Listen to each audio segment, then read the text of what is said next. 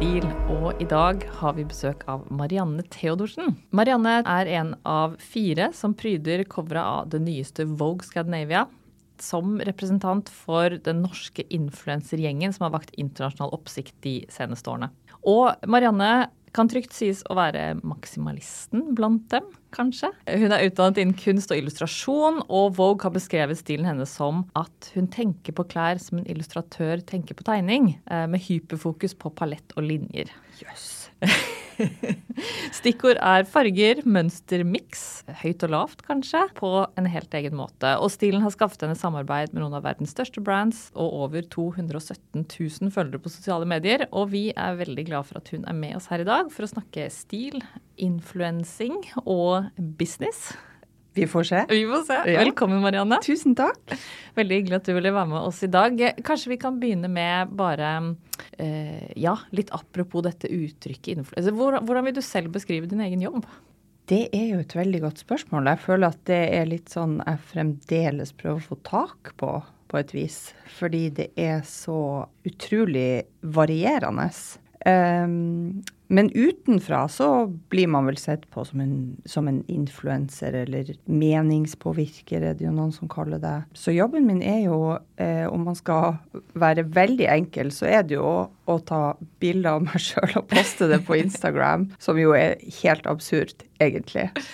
Og sikkert eh, ganske gøy, vil jeg tro. Absolutt. Eh, ja, fordi eh, en ting er å poste på Instagram, men du, du poster jo ikke bilder av um, barna dine eller hunder, eller, ikke sant? Du har en helt uh, spesiell nisje. Du er uh, altså moteinfluenser, du poster bilder av antrekk og hvordan ja, Kanskje vi kan begynne på begynnelsen. altså Hvorfor, uh, ja, hvorfor akkurat klær? Hvorfor ikke andre ting? Altså, jeg har jo vært eh, interessert i klær siden jeg begynte å gå, tror jeg. Jeg eh, husker jo veldig godt da jeg var barn. Det var ti-tolv klesskift om dagen. Mamma ble helt sprø av meg. Jeg ville leke butikk, klesbutikk hele tida. Jeg var utrolig opptatt av å se på musikkvideoer, hvordan folk kledde seg, leste magasiner og sånne ting. Um, ikke helt sikker på hvorfor det appellerte så mye til meg, men um, det har liksom vært en veldig sånn organisk voksende interesse for min del, som jeg føler bare har vært her helt siden, siden starten av. Og så vi flytta til Oslo i 1994. Jeg har alltid på en eller annen merkelig måte ville passa inn, men så har det vært en sånn underliggende del i meg som har hatt behov for å kle seg i akkurat det man vil, og eh, kanskje skille seg ut uten at det har vært bevisst. Og så fikk jeg jobb i en veldig kul klesbutikk sånn ca. midten av 2000-tallet. Og så gikk det liksom bare slag i slag derfra. Må, vi må jo også øh, opplyse lytterne da, om mm. at uh, vi har faktisk gått på videregående sammen. Det har vi. ja, det har vi. Jeg har veldig sånne klare minner av deg i skolegården der du sto og var den kuleste dama og omringa av alle de kjekke gutta du sto og kasta på håret. Og... altså, jeg må si det samme. Marianne, jeg husker fortsatt en uh, litt sånn legendarisk outfit. Altså en kamo boblekåpe. Stemmer det? det kan godt stemme, ja. Fra min 60, tror jeg. Ja, det kan være veldig mulig, ja. ja. Og så bleika blondt hår mm. og bare en litt sånn eh, fra en annen verden, kan man nesten si, eh, i stilen. Altså virkelig, som du beskriver det litt, da, at eh, du hadde et eller annet, eh, en eller annen trang til å bare gjøre det. Du kler meg i hva enn jeg ville, liksom. Ja. ja. Og nye ting hver dag, og det, det er helt åpenbart at det, det, Altså, det er jo fascinerende at man kan eh, være så tro mot seg selv, og så blir det, blir det som det blir. Ja, for meg så er jo klær også et enormt sånt kreativt outlet og en forlengelse av den man er som person. Så, så det å kle seg gir meg enormt mye glede og inspirasjon, mm. rett og slett. Mm, og sånn har det alltid vært for meg.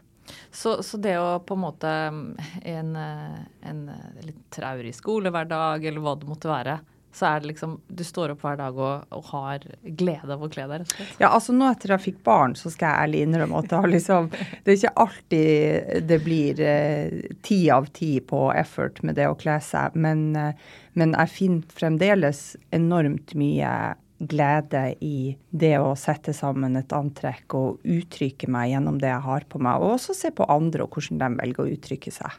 Du ja, har jo bakgrunn illustrasjon, kunst. Altså var det på et eller annet tidspunkt et, eh, et aktivt valg hvor du liksom valgte å ja, gå litt all in da, på ja. ja. Ja, jeg husker faktisk det veldig godt. Fordi ja, jeg studerte jo kunst og illustrasjon og gikk på liksom det man kalte da for Mac-design, og lærte meg liksom Photoshop og Illustrator og alle disse her. Jeg hadde en veldig klar formening om at jeg skulle bli illustratør. Men jeg tror også det var liksom ganske, en ganske etablert sannhet at det var også et utrolig tøft marked å komme inn på. Og jeg hadde deltidsjobb samtidig på, på denne kule klesbutikken som jeg nevnte i sted, som heter Koma. Som ble jo starta av Marte Krogh og Fredrik Lund. Stemmer det. Mm, som var liksom the it, it store mm -hmm. her i Oslo. Eh, og da husker jeg jeg satt på bussen og var på vei til jobb en dag, og jeg var så i konflikt med sånn hva jeg skulle gjøre videre, og jobb og utdannelse, og følte liksom at eh, jeg måtte bestemme meg fordi jeg hadde nådd en viss alder, og man måtte liksom vite hvor veien videre skulle være. Og da husker jeg jeg satt på bussen på vei til jobb, og så tenkte jeg bare sånn nei, jeg skal bare gå all in og begynne med mote. Ja. Så bare spør jeg om å få heltidsjobb på butikken. Ja. Og så begynte jeg å jobbe heltid der, da. Yes. Mm. Og så liksom OK, se hva som skjer. Bare Det, det kommer til å ordne seg. Dette er, dette er det vi Ja, jeg syns det var gøy. Jeg syns det var gøy med klær. Og jeg tenkte sånn, da er det i hvert fall det jeg kan, kan gjøre nå, og så ser vi hvor det tar meg. Mm. Mm. Og ja, du lander på en måte på koma, blir eh, heltidsansatt, møter kanskje alt og alle på en eller annen måte gjennom den jobben? Ja, altså det er jo uh, en relativt liten bransje her i, Norge på mote. Og det er det jo fremdeles, selv om det er enormt mye som har skjedd de siste årene. Men Koma var også en sånn butikk der alt av liksom, kjendiser og stylister og de som jobba med mote, frekventerte da. Så man ble fort kjent med folk i bransjen og knytta kontakter. Så det var jo også der jeg ble spurt av ei som brukte å komme dit, om eh, jeg hadde lyst til å starte en blogg. Aha. Fordi hun og mannen skulle starte en bloggeplattform. Ikke sant. Ja. Som, som, man gjorde i 2008. Ja, ja. ikke sant. Ja. ja og mm. da, da, var oppdraget rett og slett bare gjør deg, eller hva, hva ja, ja, da var det rett frem dagens outfit, posere hvor som helst. Brydde oss ikke så veldig mye om sånn lys eller estetikk. Eller det, det, var bare sånn dagens outfit skulle dokumenteres, og man skulle skrive en liten tekst til med sånn hva man hadde gjort i dag, og har ja. vært på jobb, og hva man hadde på seg. Det var liksom veldig straight forward. Ja. Mm. Så eh, litt sånn stildagbok på et eller annet vis? På et eller annet vis, ja. ja. Og på den tida så hadde jeg jo overhodet ingen altså formening eller tanker om at det her skulle kunne være en heldagsjobb, liksom. Det var jo en absurd tanke. At man skulle kunne tjene penger på å poste hva man hadde på seg. Men det kunne man åpenbart. Det kunne man jo åpenbart. Etter hvert. Ja. Kanskje ikke med en gang. Hvordan vil du beskrive stilen din eh, da? For altså, jeg har vel ofte blitt beskrevet som litt sånn rock Mm. Og det tror jeg jo også kanskje stilen min var da. Det var litt sånn um, Jeg trodde jeg hadde funnet meg sjøl og funnet stilen min for alltid. Det var mye sånn avklipte denim-shorts og sånn bowlerhatt jeg gikk rundt med, sånn liten sort en som hadde kjøpt på eBay, og eh, sorte skinnjakker og um, hadde en del eh, fake vesker, for jeg hadde jo ikke råd til de ordentlige, men var veldig opptatt av væske. Så da da fant jeg noen fake på eBay som, som så ekte ut, da. Så det var, det var, litt det det gikk i. Ikke sant. Og denne eh, ja, litt sånn rocka-stilen, eh, tror du det er litt av grunnen til at du skilte deg ut? At du på en måte hadde en, hadde en eh, litt sånn edge i forhold til andre, kanskje? Ja, det kan jo være. Altså, Skandinavia har jo vært veldig sånn Den skandinaviske minimalismen har jo vært rådende her oppfatta i hvert fall at det var det veldig på den tida. Det var jo litt sånn Elin Kling ikke sant, begynte å etablere seg veldig, og hun var jo selve definisjonen på det her da. Mm. Så um, Men det skal sies at det tok jo tid for meg også før det på en måte opparbeida seg. Kanskje man fikk litt, uh, litt anerkjennelse og, og, ble kjent her i Norge sånn i små kretser, da. Men uh, det tok ganske mange år før, før det ble noe internasjonalt. Mm. Ja, fordi um, man kan jo få inntrykk av at uh, sosiale mediestjerner eller ikke sant, at, at, folk blir født på Instagram på et eller annet vis. Men, men sånn er det jo uh, overhodet ikke, og, og, og, i hvert fall ikke i ditt tilfelle. og du nevner jo her bloggen i, i 2008, mm. eh, at du skilte deg litt ut med en egen type stil. Det har jo på en måte gått steg for steg, men mm. det var jo litt eh, nybrottsarbeid på den tiden i Norge også? Ja, altså absolutt. Det var jo ikke veldig mange som blogga, og i hvert fall ikke mange som blogga om ren mote. Så det har, det har jo ikke vært sånn at jeg våkna en dag og tenkte sånn åh, jeg skal være influenser. Altså det var jo ikke et ord da engang. Um, da var man var vel blogger, rett og slett. Uh, men jeg, jeg, prøvde liksom å tenke tilbake på det før jeg kom hit i dag. Um, og innser hvor utrolig lang vei det har vært, egentlig. En sånn lang organisk vei, om man kan kalle det. Altså, jeg begynte å gjøre dette fulltid først i 2018, når jeg var i mammaperm med min, min førstefødte. Og før det så har jeg jobba heltid hele veien. Brukte alle feriedager på å reise til Paris, f.eks. Stockholm, København. Bodde på utallige kjipe, billige hoteller. Det har ikke vært noe luksus og glamour som mange kanskje tror at det er. Og det er klart at å komme fra Norge også, det det er kanskje ikke sånn gitt at man skal slå igjennom eller få disse mulighetene som kanskje er litt mer tilrettelagt for i dag, hvis man har det rette publikummet, da. Mm. Så um, det var absolutt For meg tenkte jeg at jeg hadde lyst til å finne en måte å komme inn i dette på. Og jeg hadde bloggen min, men jeg syns det var utrolig spennende, som vi var inne på tidligere, det med å se hvordan folk uttrykker seg gjennom klær, og hvordan de kler seg. Så jeg bestemte meg jo for å dra til de internasjonale motdukene for å stå utafor showene og se på folk. Og så fant jeg ut at kanskje jeg skulle ta med meg kameraet mitt. Sånn at eh, jeg ikke så helt idiot ut når jeg sto der. Eh, og jeg så jo disse streetstyle-fotografene jobba. Da var det jo bare noen få av dem også. Det var jo ikke sånn som det er i dag. Så jeg tok med meg kameraet mitt og eh, sto utafor show og tok bilder av gjestene som kom og gikk. Og så var det på en måte neste steg i reisen min, da. Mm. Ja, og jeg husker deg jo godt fra denne perioden også. Jeg var og dekket uh, en del motuker, og inkludert den scenen, egentlig. Fordi mm. at det var en sånn vital, interessant scene som foregikk på utsiden av motevisningene, som var mer nyskapende på et eller annet Eller det representerte noe nytt, da. Mm. Med mange etter hvert store navn. Tommy Tone, Phil O, Scott Schumann, som man kanskje husker som The Sartorialist. Han var vel kanskje en av de første. Mm. Eh, selvfølgelig originalt Bill Cunningham for New York Times den legendariske. Um, men, um, men, du tok jo også aktivt en, en rolle, og det å gjøre dette, at, at, folk også skjønner at dette er på eget initiativ, mm. dette er noe du på en måte genererer 100 selv. Du finner en billig flybillett, drar ned, poster.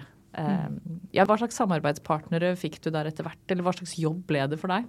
Altså, jeg dro ned eh, ganske mange sesonger på helt eget initiativ, og så begynte jeg å poste disse bildene eh, på bloggen min. Og det var også mye for min egen del, fordi jeg fant masse glede i det. Jeg tror ganske lenge at jeg har hatt litt sånn dårlig businessperspektiv på det her, fordi jeg så liksom ikke for meg at jeg kunne bruke det til noe, ikke sant. Jeg tenkte ikke på å kontakte PR-byrå eller representanter for å prøve å komme meg inn på showene. Altså, for meg var det liksom Det var bare så spennende å være utafor og bli, bli, kjent med disse legendariske fotografene og sånt. Så ja, jeg gjorde det et par sesonger. Og så husker jeg at jeg ble kontakta av et svensk magasin som heter Rodeo, som ville at jeg skulle ta bilder for dem. Og da gjorde jeg det. det jo, men det var jo også et utrolig dårlig budsjett. Altså, man gikk jo ikke i pluss, man gikk jo i minus. Og man satt og gråt på rommet sitt på kvelden i Milano eh, på et hotellrom med utrolig dårlig nett. Og det tok hele natta å sende bildene over til Sverige fordi de skulle postes neste morgen. Sånn. Så det var utrolig hardt arbeid. Mm men også utrolig, utrolig morsomt. Og det har gitt meg en innfallsvinkel og et syn på det her som, eh, som jeg ikke ville vært foruten. Mm. Ja, og, og du um, Jeg tenker jo at du, du, du vakte jo etter hvert litt oppsikt blant den gjengen nå, for mange av dem er jo sånn eh, dudes, holdt jeg på å si, som, ja. som altså, Hva skal jeg si, de sto virkelig bak kamera, da. Mm. Eh, og var, var, liksom ikke interessert i den andre rollen, mens du hele veien kommer jo fra den derre uttrykk deg selv. Mm. Eh, eh, du ble jo etter hvert også et yndet eh, fotoobjekt selv, og jeg mener smart business-wise av deg, på en måte, å ta den Ja, det blir jo kanskje litt feil å si at jeg hadde litt sånn dårlig business-teft og business-perspektiv. Da tenker jeg kanskje mer i approachen min til direkte til brands og samarbeidspartnere. Men det er klart at for meg så var det en veldig bevisst strategi også å kle seg sånn som jeg gjorde, og skjule meg bak det å være en fotograf, da. Fordi jeg så jo også at det genererte oppmerksomhet. Mm. Um, så jeg var jo hun som sprang rundt i høye hæler i åtte timer mens jeg sprang altså sånn med et uh, heavy kamera på skuldra og skulle ta bilder av alle sammen. Og når jeg ser tilbake på det, så kan jeg jo ikke helt skjønne hvordan jeg klarte det. Dette var jo også før sneakers ble liksom sånn akseptert. ja. Um, så da var det høye hæler i gaten i Paris i åtte timer i strekk. Og det var blood, sweat and tears, altså. Ikke sant. Mm. Men samtidig så, så nettopp via å, å, være ikke bare en holdt jeg på å si, posør som vil bli tatt bilde av. Du er en del av de som tar bilder. Selvfølgelig tar de da bilder av deg. Dere er mm. venner. Altså, du får tilgang til ting. Altså, det, er, det er en eller annen måte å jobbe på som på en måte er å gå, gå inn i ting i dybden, da. Og, og, lære seg verktøy, lære seg hvordan du jobber, hvordan du kontakter Altså, jeg mhm. tenker at um, det, det, er sikkert litt av nøklene der. Ja, absolutt. Det tror jeg. Og det, det har også gitt meg utrolig mange erfaringer som jeg har tatt med videre i jobben, i form av hvordan andre jobber, hvordan hele systemet rundt det her eh, fungerer. Så jeg syns det har vært utrolig spennende og lærerikt å få være på en måte på utsida også og se inn. Mm. Fordi nå er jeg jo på andre sida. Så mm. man, eh, man, har veldig mange verdifulle erfaringer som man tar med seg videre. Mm. Så det skjer at du, altså du, bytter side på et eller annet vis. Kan du fortelle litt om den, uh, den prosessen, eller når begynte du på en måte å, å uh, tenke at OK, det, kanskje det å, å kle seg kan være uh, en jobb i seg selv? Ja, altså etter jeg jobba på Koma, så fikk jeg jobb på en butikk som het Våga. Og der var innkjøperen som heter Jon André Hanøy. Han eh, dro til Paris hver sesong og Eh, var veldig sjenerøs, inviterte meg med. Og det var på den tida der man gjerne kunne ta med seg pluss én på visninger. Så han tok meg med på Haider Ackermann, han tok meg med på Galliano-visninga, han tok meg med på Victor og Rolf. Eh, og Ande Mullmeister, blant annet. Mange fantastiske visninger som slo meg helt i bakken. Og da tenkte jeg sånn, det er jo dette har lyst til å oppleve. Eh, men så er det jo litt sånn at ja, som sagt, det var på den tida man kunne ta med seg pluss én, men det tror jeg også var hvis man var veldig etablert og hadde et godt nettverk som det han Jon André hadde. Fordi det var jo ikke lett å komme og si hei, jeg så visninga deres, jeg likte det veldig godt, så nå vil jeg ha invitasjon til neste år. så, så det var jo absolutt et mål for meg, men det var mange, mange år fremdeles der jeg dro ned og tok bilder og eh, var, var, en del av det på den måten, da. Ja, før du på en måte ble eh, invitert inn på, på den litt mer tradisjonelle måten, ja. eller hvordan det, det, pleide å gjøres. Jeg tenker at uh, denne historien er jo, eller din historie, da, er veldig interessant også som en sånn case for å se hvordan har bransjen endret seg? Hvordan, mm. hvordan lages motekarrierer i dag, da? Fordi det er liksom ikke nødvendigvis gjennom de etablerte kanalene hvor noen må åpne dører for deg, og du må liksom gå, eh, gå rekkene, holdt jeg på å si. Nei, nå er jo Instagram i en stor grad, eller TikTok, altså den kanalen. Mm.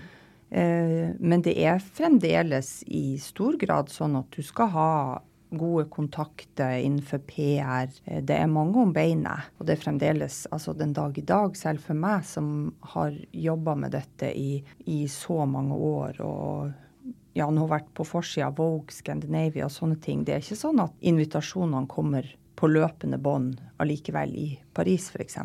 Det er fremdeles noe veldig mange etablerte profiler må jobbe for hver sesong eller requeste, og det at man får det ene sesongen, betyr ikke at man automatisk er med neste. Så det er nok en misoppfatning mange har, at, at um, med en gang du er inne, så er det på en måte enkelt å holde seg der. Det tror jeg gjelder for en utrolig liten andel av de av oss som jobber med dette, da. Mm. Så kan du fortelle litt om på en måte hvordan var det den ballen begynte å rulle for deg? Hva var det som var et, et tidlig samarbeid? Eller du, du, var jo aktiv etter hvert på Instagram, begynte å få en større following der. Um, når er det du på en måte kjenner at OK, dette begynner å svinge?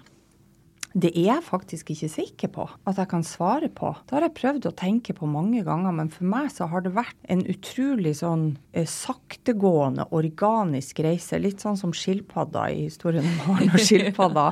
um, ikke tatt noen snarveier. Det har liksom vært en veldig sånn naturlig tilnærming til det hele for meg. Veien blir til mens man går. Har ikke hatt noe klar strategi på hvordan jeg skal gjøre ting, eller det har vært litt sånn ja, det her liker jeg, det her syns jeg er artig. Da fortsetter jeg med å gå i denne tralten, eller hva enn man skal kalle det. Um, så det er klart, man har jo hatt uh, sine milepæler, absolutt. Men jeg nevnte det jo så vidt i sted at um, i 2018 så sa jeg opp jobben min innenfor PR for å satse fulltid på Instagram. Og da hadde jeg vel sånn 30 000 følgere eller noe.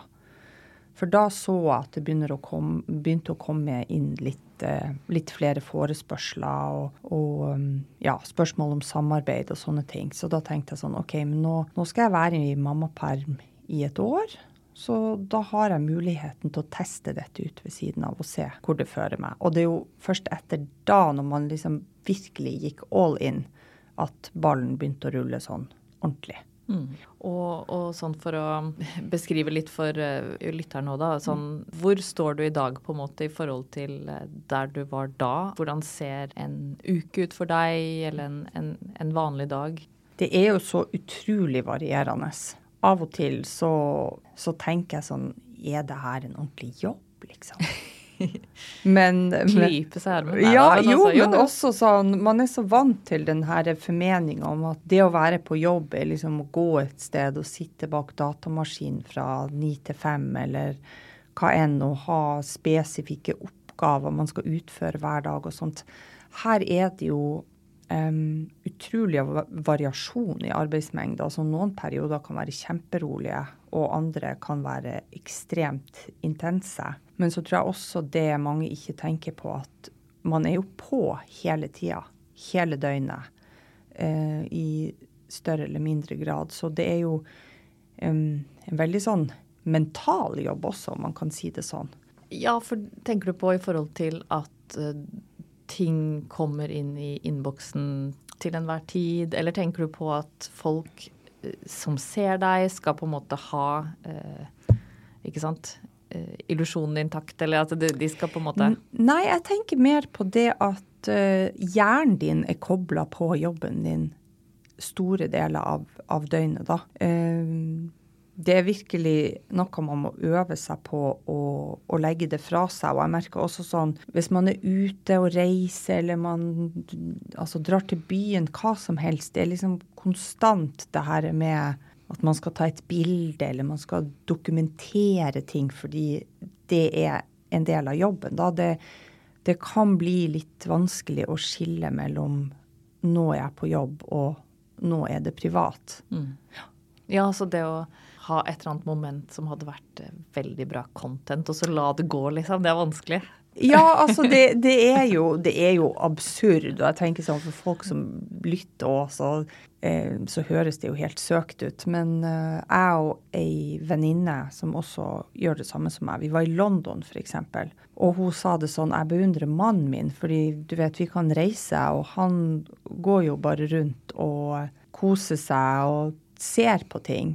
Opplever. Opplever, ja. ja. Og det gjør så absolutt vi òg, men for oss er det også sånn å gå rundt og spotte etter liksom Hvor skal man ta det neste bildet, eller uh, hva er det som er bra å dokumentere? Altså fordi det er på en måte en så viktig del av jobben, da. Så det, det krever virkelig disiplin og planlegging og, og klare å legge det der fra seg. Altså, det, blir, det er jo en grunn til at vi blir avhengig av mobilen. Og det er jo vi som jobber med da i aller høyeste grad.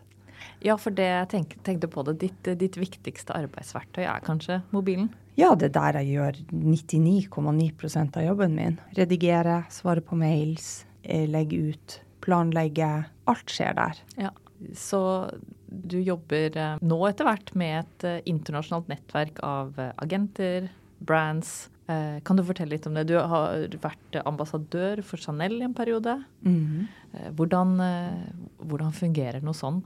Eh, ja, jeg har jo en agent i København, som er mitt moder agency, som man kaller det. Så de tar seg av eh, alle mine betalte samarbeider og dialog rundt kontrakt og sånne ting. Og så har jeg en agent i Paris som representerer meg på eh, det franske markedet. Så de tar seg av størsteparten. Men når det er sagt, så er det også sånn at jeg liker å ha nære bånd med brandsene jeg jobber med sjøl. Så for Chanel f.eks.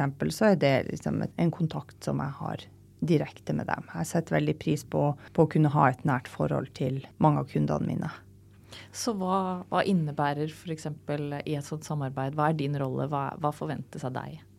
Det er også et veldig type organisk eh, samarbeid, en, en eh, relasjon man har. Så noen brands vil jo gjøre betalte samarbeider, og det er veldig fastsatte rammer for hva man skal levere, hva dette skal inneholde. Og så har man organiske partnerships med noen brands, der man kanskje får låne ting. Eh, men det er også helt opp til en selv hvordan man velger å løse det, da. Så det handler om å bruke klær på bilder, eh, reklamere for dem på ulikt vis? style det inn til sitt univers, om man kan si det sånn. Gjøre, gjøre merkevaren til del av det universet du har bygd opp på Instagram eller TikTok eller hva det måtte være. Ja, Så, så ditt univers er på en måte din merkevare? Det stemmer. Man kan jo se på det som om man er en sånn enmanns- eller enkvinnes mediehus. Det er jo litt på det samme som eh, et magasin er jo noen deler med reklame og noen deler med artikler. Mm. Redaksjonelt innhold. Redaksjonelt innhold, ja. Reklame. Ja, men altså ja. om hverandre. At mm. du Uh, og du er på en måte sjefsredaktør, holdt jeg på å si, og uh, modell og alt. Alt. Poteten, rett og slett. Fotografen ja. i det hele tatt. ja. Um, så mange lurer vel også på uh, Ja, hva, hva slags omfang er det vi snakker om, på en måte? Jeg skal ikke spørre om, om lønn, f.eks., men jeg tenker hva slags hvor mange vesker har du? Kan det, folk lurer sikkert på det. Nei, det må du ikke spørre om, Ida. Det er jo liksom akilleshælen min, da. Uh, men uh, ja, hva var spørsmålet? ok. Men du, du lever uh, godt av det for, i dag? Absolutt. Um, nå har jeg jo to barn og familie å forsørge, så hvis det ikke hadde funka økonomisk, så, så hadde jeg jo ikke kunnet gjort det her. Um, men det er jo også noe man ikke tar for gitt. Det er jo, det er jo en annen del av denne jobben i tillegg til det må vi si, mentale. Um, så er det jo også det at eh, som alle som er selvstendig næringsdrivende vet, er jo at det er jo en konstant usikkerhet i forhold til lønn, rett og slett. Klarer man å holde momentum, klarer man å holde seg relevant? Klarer man å fortsette å vekke interesse hos brands, og de vil jobbe med deg? og, og, og tanke på fremtiden. Sånn for din egen del, har du noen sånne mål, eller eh, hva er det som driver deg i dag? Det er jo interessen min for mote, gleden ved å kle seg, gleden ved å få være en del av dette, denne communityen og, og fellesskapet og de vennene man har knytta i bransjen. Um, det er virkelig noe særegent, syns jeg. Og den energien å få være en del av det og, og, dele den gleden med så mange andre som interesserer seg for det samme, det er utrolig spesielt, syns jeg. Så det er en enorm eh, pådriver for meg. Og også det å gleden ved å inspirere andre. Og de hyggelige tilbakemeldingene man får, eller hvordan folk kan skrive til meg og si at de har blitt inspirert til å tørre å bruke farger igjen, eller inkludere mer farge i garderoben. Det er jo sånn som gjør meg utrolig ydmyk og takknemlig og glad. Mm. Og det å knytte kontakter, eller kontakter med følgerne sine på, på en helt spesiell måte. Um, ja, og sant, nettopp dette, dette båndet til folk eh, er vel kanskje også en ting som er litt underkommunisert. At det syns kanskje er som å få kommentarer, det er mye følgere, men du kommuniserer kanskje en del med folk også, eller? Absolutt. For meg er det veldig viktig. Jeg syns det er en utrolig stor del av det jeg gjør, å ha den relasjonen til de lojale følgerne man har. Det er mange som jeg snakker med ofte. Vi har samtaler på Instagram, vi snakker om ting, vi snakker om mote. Um, de spør om shoppingråd, sånne ting. Jeg syns det er en utrolig hyggelig del av jobben. um, og en viktig del av jobben også. Det er jo litt sånn det fungerer nå, eh, altså Instagram også, der, der jeg er mest aktiv, og også på TikTok. Det er jo at du skal bygge en slags community som du skal opprettholde også. Så Altså, det er fascinerende. Og jeg, tenker eh, Det er sikkert mange der ute eh, som drømmer om en, en karriere som din. Da. Hva er det viktigste å tenke på for å lykkes, rett og slett? altså, det har jo også forandra seg veldig. for sånn som da jeg begynte, som jeg nevnte til deg i stad, det var ikke veldig mange i Norge som blogga om mote. Det var jo mer sånn hei, bloggen-type Rosa blogging Ja. eller ikke sant, personlig. Ja. Um, og da var det ofte sånn at uh, hvis du dro på ei visning, eller sto utafor ei visning, og la oss si han Tommy Tonn eller um, en av disse store fotografene tok bilde av deg, og du fant deg sjøl på style.com, eller de posta deg på Instagrammen sin, så fikk du 4000 nye følgere i løpet av en dag. Mm. Sånn er det jo ikke lenger. Så nå er det jo Det er jo en klisjé å si, men jeg tror man skal finne en nisje, og man skal holde seg til den. Man skal være tro mot seg sjøl. Og så er det jo det evige jaget med å prøve å forstå denne algoritmen til Instagram, som jo ingen blir kloke på. Det er liksom en nerve man skal treffe. Men, men um, hvis man er konsekvent og, og finner nisjen sin, holder seg til den og produserer bra innhold, så er det jo mulig å vokse i en rasende fart. Ja. Men jeg tror man skal ha en plan, og man skal holde seg til den. Og det er ikke som nok mange tror, at det er litt sånn åh, jeg vil bli influenser, jeg vil tjene masse penger, og så begynner du bare å poste bilder av deg sjøl på Instagram, og så er det gjort. Det krever, det krever mye list, og det krever dedikasjon, og det krever en strategi, tror jeg. Selv de som virker som de ikke har det. De Ja, har det. Mm. Ja, det er jo det som er kunsten, kanskje. Ja. Eh, så poste, bør man poste hver dag? Det er jo det Instagram sier. Ok. Ja. To ganger om dagen helst. Ah, Fem stories. Ja. Um, om det er sant, det vet jeg ikke, men, men det er jo noe med også Særlig etter covid så syns jeg det var en sånn enorm oppblomstring i uh, influensere. Så man skal jo klare å holde seg synlig i en tett voksende skog, rett og slett. virkelig. Og er du, er du noen gang eh, liksom, Får du den følelsen av redd for at folk skal gå lei, eller at du liksom må bare presse det ut, liksom? Altså, jeg tror veldig mange av oss som jobber med det her, ville lyge hvis vi sa at vi ikke ble påvirka på noe som helst vis. Det kan være, altså for å være ærlig, kan være enormt tungt sånn psykisk og mentalt. Man sammenligner jo seg sjøl med andre hele tida. Ser hva andre oppnår, ser hva andre blir invitert på, eller hva de får til. Um, og man tenker sånn åh, hvorfor ikke meg? Man prøver jo, altså man skal være så takknemlig for det man får til, men jeg tror det er den konstante lille djevelen på skuldra som sitter og stresser deg litt med, sånn som du sier. Vil noen bry seg neste år?